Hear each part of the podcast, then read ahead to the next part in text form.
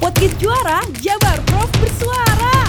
Sampurasun wargi Jabar, apa kabar? Selamat datang di podcast Juara Jabar Prof bersuara.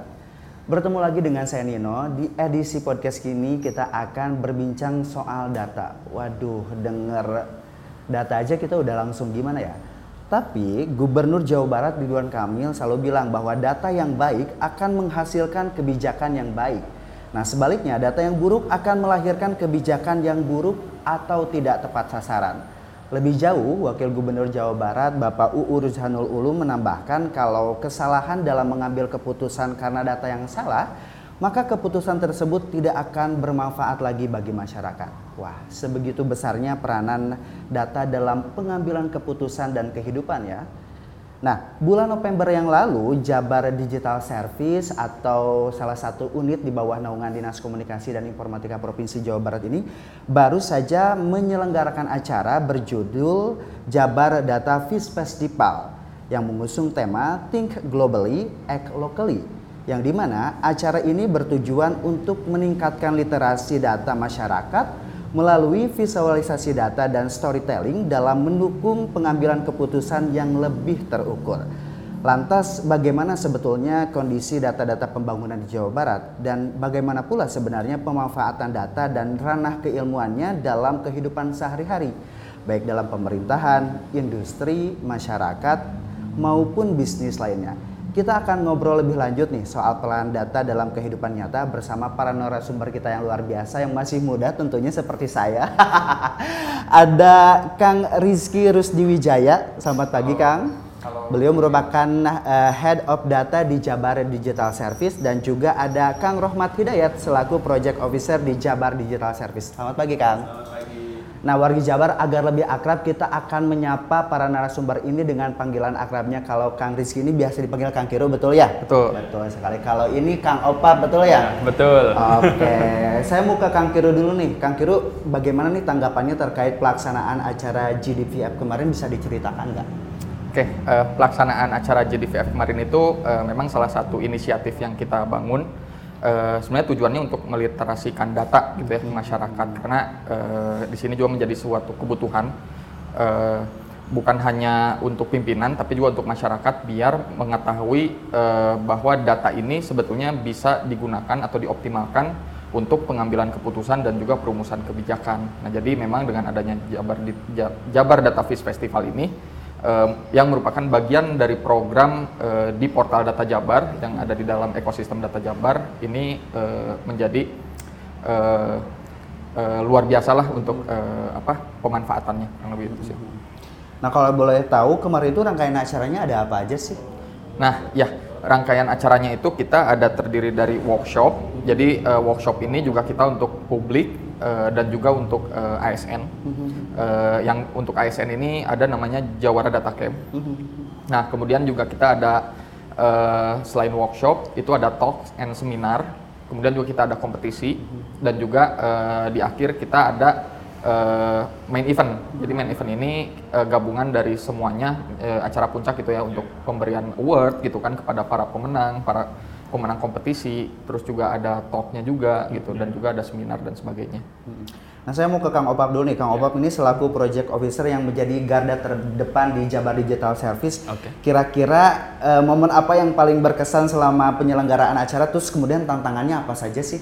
Oke, eh, sebenarnya kalau misalkan tantangan ini ada di workshop ya, karena kalau misalkan workshop lebih tepatnya kan harus biasanya offline.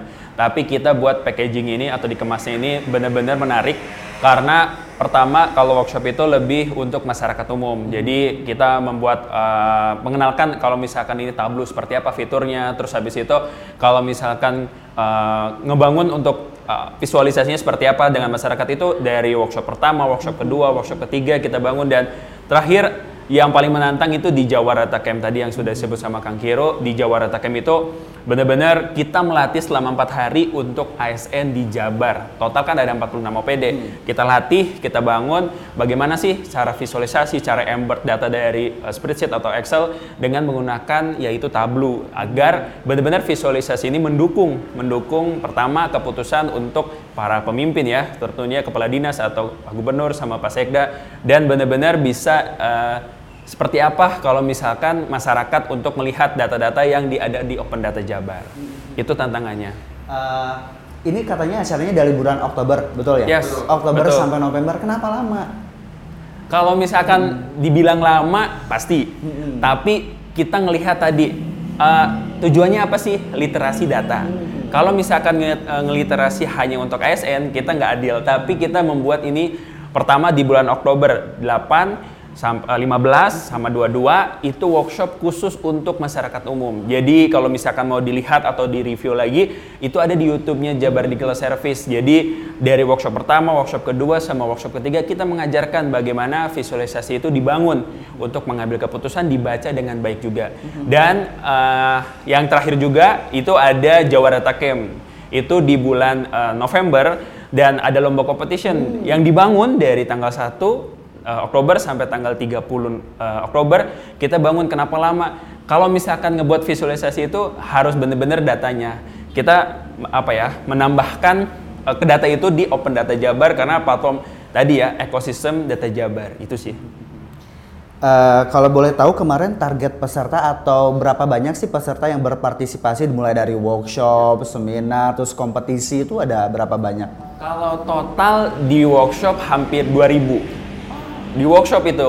Nah, workshop pertama di bulan Oktober itu 2000, di Jawara Data Camp itu total ada 115 ASN yang mengikuti. Jadi kebayang ada 115 kita bangun selama empat hari dari bulan eh, dari hari pertama, hari kedua, hari ketiga sama hari keempat kita bangun dari cara visualisasi, cara mengajarkannya seperti apa. Jadi kalau data visualisasi dilihat di open data itu bukan murni hanya JD saja, tapi benar-benar dari OPD. Terus uh, di seminar and talks ya, jadi kita me- memberikan juga apa namanya uh, talk-talk uh, yang benar-benar data uh, seperti apa bisa dibangun di industri atau misalkan di pemerintahan. Kita mengundang para narasumber terbaik juga dan itu total seminar and talk hampir 500 dan kalau misalkan di main event karena khusus ya, khusus itu diundang itu total ada 300. Jadi kalau di di total uh, kalkulasi ada hampir 3000 hampir 3000 3500 target tuh. Nah, Kang Kiru selaku head of data nih kira-kira bagaimana melihat antusiasme para peserta yang eh, ikut atau berpartisipasi di acara itu seperti apa? Dan apakah itu sudah sesuai dengan ekspektasi yang diharapkan? antusias ah, antusiasnya eh, banyak banget ya yang eh, yang menarik itu ya yang antusias. Kenapa? Karena di sini eh, sebetulnya yang kita targetin ini adalah eh, kompetisi ya. Karena kan eh, dari kompetisi ini sebenarnya kita membuka workshop ini untuk publik bisa mengikuti kompetisi. Nah di kompetisi ini sebetulnya bisa terlihat nih hasil hasilnya gitu kan. Sehingga eh, dari hasil visualisasi yang dibangun atau yang dikembangkan oleh masyarakat itu akan kita address ke masing-masing perangkat daerah yang relevan gitu kan. Jadi eh, yang eh, yang saya lihat ini banyak banget nih yang antusias eh, daftar ke kompetisi gitu ya. Karena bukan hanya eh, hadiah yang menarik gitu ya, eh, bukan hanya itu tapi eh, juga impactnya gitu kan. Jadi sa- saya lihat masyarakat ini banyak yang antusias terhadap impact eh, terutama untuk jangka panjang gitu kan untuk eh, bisa terlibat dalam meningkatkan literasi data gitu. Puas tapi ya, puas. Ya, puas. Sesuai ya dengan Sesuai ekspektasi, ya. Atau malah lebih barangkali. Lebih, di luar luar ekspektasi. biasa. Nah, Gubernur Jawa Barat kan selalu menekankan nih Kang kalau misalnya keputusan yang baik adalah keputusan yang diambil eh, karena ada datanya. Kira-kira bagaimana sih Jabar Digital Service merespon hal tersebut dalam kehidupan nyata sehari-hari? Bagaimana hal tersebut juga dimanfaatkan gitu? Oke, ya ini kan Pak Gubernur selalu bilang gitu ya, eh, good decision is coming from da- good data. Nah, memang eh, satu statement yang simple, tapi ternyata effort di belakangnya ini cukup besar gitu ya. Karena untuk bisa menghasilkan good data Ya. itu prosesnya panjang. Kita harus melibatkan banyak eh, partner atau mitra gitu ya, untuk bisa eh, dimulai dari pengumpulan data. Nah, ini juga kita bikin tata kelola gimana caranya data yang kita kolek ini eh, ekspektasinya sesuai nih gitu kan. Eh, misalkan kualitas data yang baik gitu kan untuk bisa diolah kembali eh, sehingga menghasilkan eh, kebijakan atau misalkan eh, rekomendasi kebijakan yang eh, baik juga gitu kan. Nah, setelah eh, tantangannya itu memang pengumpulan data. Nah, ini juga kita eh, kor- eh, kolaborasi dengan bidang statistik gitu ya. Eh, kemudian setelah data dikumpulkan dan disimpan ke dalam eh, portal data Jabar, Nah, di sinilah uh, kita melakukan proses uh, analisis data dan visualisasi data gitu. Nah, di sinilah tantangan yang lebih besar lagi gitu kan. Nah, ini juga bagaimana kita uh, target audiens ini kan masyarakat. Nah, dengan hasil pengolahan data ini, bagaimana caranya masyarakat yang mungkin dalam tanda kutip awam membaca data yang hanya melihat data dalam bentuk tabel. Nah, ini bisa uh, mengambil makna dari data tersebut dalam bentuk visualisasi sehingga masyarakat bisa mengambil keputusan entah itu untuk bisnis atau untuk uh, lainnya gitu kan. Gitu. Nah itu sih sebetulnya. Nah, uh, JDS sendiri ini singkatan dari Jabar Digital Service ya, Betul. telah memulai upaya untuk membangun namanya sistem open data yang terintegrasi di Jabar sejak tahun 2019. Kira-kira kenapa harus membangun sistem open data, Kang? Uh, gunanya buat masyarakat tuh apa sih sebetulnya? Oke. Nah, ya eh, semangat ini eh, tentunya ada dorongan juga dari keterbukaan informasi publik gitu ya. Jadi eh, keterbukaan informasi ini eh, bagaimana kita menyampaikan data-data yang berkualitas kepada publik untuk bisa dimanfaatkan juga oleh publik. Jadi selain itu juga kita eh, prinsipnya adalah memberdayakan masyarakat untuk bisa eh, terlibat dalam pembangunan daerah gitu kan. Nah, di sini juga eh, kita melibatkan para kontrib- kontributor dari masyarakat untuk bisa mengupload atau eh, ya intinya mengupload eh, hasil karya visualisasi eh, untuk ditampilkan di Open Data Jabar. Nah, eh, Open Data Jabar ini eh, tadi gitu ya semangatnya kita keterbukaan informasi publik juga eh, semangatnya adalah satu data Indonesia gitu ya satu data. Jadi prinsip satu data inilah eh, bagaimana kita mengumpulkan dari berbagai aplikasi eh, atau bahkan data-data yang tercatat dalam bentuk spreadsheet di laptop-laptop atau di komputer dari masing-masing perangkat daerah itu bisa terkumpul dalam satu wadah. Sehingga yang awalnya kesulitan mencari data entah itu perangkat daerah atau masyarakat biasanya kan eh, ada proses birokrasi nih. Nah hasil riset itu eh, ternyata eh, masyarakat itu ketika permohonan data sampai ke eh, penyajian data gitu ya itu kurang lebih sekitar satu bulan.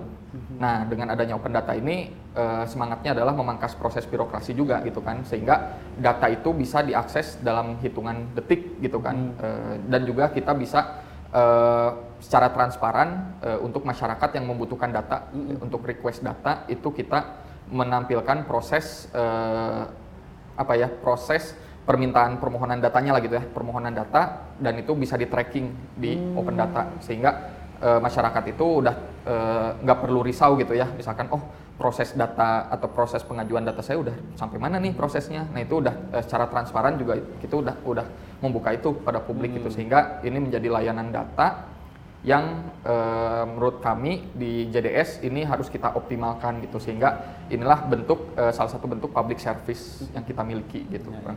Nah, bagi masyarakat ataupun mungkin bagi para kaum akademisi, peneliti dan lain sebagainya, eh, data ini kan banyak tersebar ya, apalagi sekarang banyak eh, di era digital pasti banyak banget tuh eh, alternatif untuk memilih data. Tapi sebetulnya bagaimana sih data yang baik itu seperti apa, Kang Kiru? Nah, interpretasi data yang baik sebetulnya itu balik lagi ke, ke para pengelola data masing-masing ya. Nah, dari sini sebenarnya kita coba bikin satu standarisasi data yang disebut eh, standar kualitas data. Data yang baik itu adalah yang mungkin datanya lengkap, kedalaman datanya detail gitu. Misalkan yang awalnya data ini diproduksi tahunan, nah kita secara bertahap kita coba tingkatkan nih e, menjadi bulanan atau bahkan harian gitu. Atau misalkan yang kedalaman datanya asalnya tingkatnya kota kabupaten itu kita coba e, gali apakah memungkinkan data tersebut dihasilkan e, sampai level desa gitu kan. Sehingga e, dengan semakin detailnya data itu semakin baik sebetulnya kualitas data untuk bisa dilakukan analisis data ke depannya atau pengolahan data yang lebih lanjut kurang lebih itu sih. Nah, Kang Opap, kemarin kan tujuan dari adanya acara GDVF ini untuk meningkatkan literasi data ya. Tapi bagaimana sih sebetulnya cara mengelola dan membaca data? Kemudian apakah setiap orang harus bisa membaca data? Ya, eh, sebenarnya kalau misalkan harus ngebangun atau misalkan membaca data itu harus harus ya, karena kalau misalkan sekarang nih contohnya kalau ingin membuat eh, keputusan, kalau misalkan membuat keputusan, masa langsung secara ini apa ya, Pak ya, eh, nggak nggak nggak bersifat data driven karena kalau misalkan tidak bersifat data, gimana kita bisa melihat data itu baik atau enggaknya. Jadi kalau misalkan dilihat dengan baik eh, datanya benar, terus benar-benar eh, sumbernya juga. Karena kalau misalkan di tadi eh, tambahan Kang Kiro, kita ngelihat sumbernya dari mana, berasal dari mana. Kalau misalkan sumber dan ininya tidak tepat, maka akan jadi benar-benar uh, datanya tidak bermanfaat untuk masyarakat kalau misalkan ingin dibaca atau misalkan sebagai uh, decision maker atau ke- pembuat keputusan itu sih. Nah, kira-kira terkait masih GDVF Iya. kemarin ya, kenapa sih data-data itu harus divisualkan? Emang kekuatan data yang sudah divisualkan itu seperti apa? Boleh siapa aja deh. Jadi kalau misalkan kenapa kita mau ngebangun Jabar Data Fish Festival? Uh, be- sebenarnya sumbernya itu uh, root case-nya itu pertama dari tadi ya masyarakat kurangnya literasi. Tapi ya bisa dibaca atau misalkan bisa dilihat juga beberapa uh, peneliti kalau misalkan masyarakat di Indonesia itu sebelum member- memberikan komentar tapi harus dilihat dulu datanya seperti apa karena kalau misalkan tidak nantinya akan menjadi menimbulkan tidak ya opini opini atau misalkan apa. Jadi kenapa kita mau mau ngebangun? Cara ngebaca data dan membangun uh, visualisasi itu harus benar. Pertama kalau misalkan ini sumbernya ya, terus yang kedua cara visualisasinya masih banyak dengan beberapa platform juga. Itu sih kalau misalkan menurut saya. Jadi uh, masyarakat kalau misalkan ingin melihat itu sumber dan uh, permasalahannya dilihat juga. Untuk uh, mendapatkan data itu. Itu sih kalau saya dari saya. Mungkin Kang Kiro bisa menambahkan. Oke, ya. Jadi eh, kenapa tadi itu kenapa harus Divisualkan. divisualkan? Hmm. Nah, karena gini, eh, ketika data dibaca dalam bentuk tabel Hmm. itu memang untuk sebagian orang eh, mungkin itu pusing gitu ya. Nah, cuman di sini dengan kita olah menjadi visualisasi, nah ini bagaimana kita menggali konteks yang ada di dalamnya. Nah, ketika kita bicara angka, nah ini harapannya bukan hanya dipandang hanya sebatas angka saja, tapi ketika kita bicara konteks, misalkan eh, konteks eh, entah itu kesehatan atau pendidikan, ketika data ini ber- bertingkat atau men- meningkatlah atau bertambah, itu diinterpretasikan diinterpretasikannya apakah baik atau buruk gitu kan. Nah, nah, itu eh, interpretasi itu memang eh, yang perlu kita eh, literasikan kepada masyarakat gitu kan. Sehingga eh, untuk bisa melakukan action setelah kita mengetahui oh ternyata misalkan contoh gini oh ternyata eh, sebaran sekolah di Jawa Barat ini eh, hanya berada di wilayah yang eh, ternyata dekat dengan permukiman gitu ya yang permukiman besar lah. Nah ternyata masih ada desa-desa yang tertinggal atau yang mungkin yang di pedalaman gitu eh, ternyata kesul- kesulitan akses terhadap pendidikan. Nah, dengan setelah kita memvisualikas- memvisualisasikan data ini, nah ini juga bisa jadi insight untuk para otoritas atau para pengambil keputusan untuk bisa membangun eh, sekolah atau untuk eh, sarana pendidikan di daerah-daerah yang memang belum bisa terjangkau oleh eh, masyarakat di eh, pedalaman dan sebagainya. Nah, ini juga menjadi eh, apa ya? eh, salah satu manfaat kenapa data itu harus divisualisasikan gitu. Eh, gini Kang, biasanya masyarakat umum itu memahami data tuh sebagai sesuatu yang sangat rumit begitu ya. Betul. Kira-kira kesalahan eh, umum apa yang biasa dilakukan masyarakat dalam memahami atau membaca data tuh seperti apa sih biasanya? Nah, ya biasanya ini masyarakat ini eh, aku mungkin nyebutnya bukan kesalahan ya, Ya. tapi mungkin eh, eh, apa ya kekurangan Kekelir- kekeliruan lah gitu ya kekeliruan.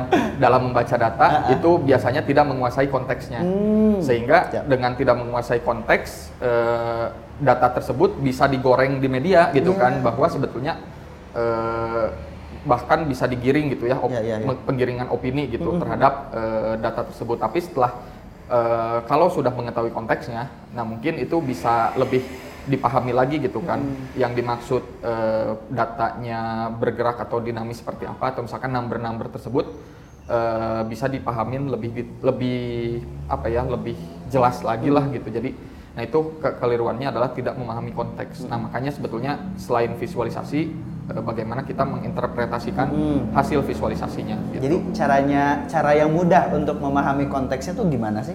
Nah. konteks data. Sebetulnya ini juga berpengaruh dari eh, mungkin tidak sesuai dengan kaidah pem- pembangunan visualisasinya. Nah bisa jadi eh, dari situ pun ada kekeliruan sehingga masyarakat bisa eh, memahaminya atau misinterpretasi atau misleading lah gitu dalam memahami konteks datanya. Nah ketika data tersebut eh, seharusnya ditampilkan bagus, nah memang harus ada kaidah visualisasi yang menunjukkan bahwa data ini eh, bagus nih gitu kan? Atau misalkan ketika ada peningkatan menggunakan warna seperti warna hijau atau misalkan penurunan warna merah dan sebagainya itu juga kan eh, apa ya psikologi warna lah gitu ya Eh, itu juga berpengaruh gitu kan? Nah dari situ eh, mungkin masyarakat juga bisa mudah memahami visualisasi tersebut dan bisa nah eh, selain selain hanya visualisasi dalam bentuk gra- grafik juga dibutuhkan ada eh, suatu narasi narasi yang mungkin simple eh, tapi sebetulnya itu penuh makna gitu ya Eh, narasinya tidak perlu panjang tapi eh, yang apa ya eh, langsung langsung terhadap insight-nya lah gitu kan mungkin ada narasi 1 sampai dua kalimat lah gitu yang menunjukkan dari hasil grafik tersebut gitu jadi ma- masyarakat itu bisa mudah mencerna gitu. Kang, kalau kemarin target sasaran dari GDVF itu siapa aja sih dan kenapa targetnya harus itu gitu? Eh, sasarannya sebenarnya eh, orang yang bener pemula ya eh, terkait dari data sebenarnya. Yang keduanya kita mau nyasar juga industri. Karena kalau misalkan kalau dari pemerintahan kan segudang bata gitu. Kita memberikan manfaatnya untuk eh, industri. Terus yang terakhir para eh, mahasiswa tingkat akhir juga atau misalkan entry level untuk uh, ingin masuk ke dunia kerja tapi dengan misalkan seperti data analis atau misalkan nanti dari data governance atau data apa itu kita uh, ya dari situ gitu apa namanya uh, pesertanya gitu. Kenapa? Ya kita ingin memberikan literasi ini loh kalau misalkan mau ngebangun berawalnya dari pengumpulan data terus pengelolaan dan pemanfaatannya itu Nah, jika data sudah ada dalam satu pintu, bagaimana cara masyarakat memanfaatkannya dan bisa digunakan untuk apa saja nih, Kang? Nah, ya masyarakat sebenarnya banyak ya. Eh, Nah ini juga hasil riset eh, di Open Data Jabar. Memang eh, paling besar itu eh, Open Data Jabar didominasi oleh mahasiswa atau akademisi gitu ya. Jadi digunakan untuk eh, menyelesaikan skripsi atau mungkin penelitiannya atau untuk tesis dan sebagainya. Nah, memang eh, ini juga kita mau optimalkan untuk eh, masyarakat di kalangan bisnis. Jadi memang pemanfaatan eh, open data ini kita eh, harapannya ABCGM ya eh, dari akademisi, bisnis, government, eh, community dan juga media gitu kan. Nah memang eh, itulah target eh, kalangan masyarakat yang kita eh, sasar, gitu ya.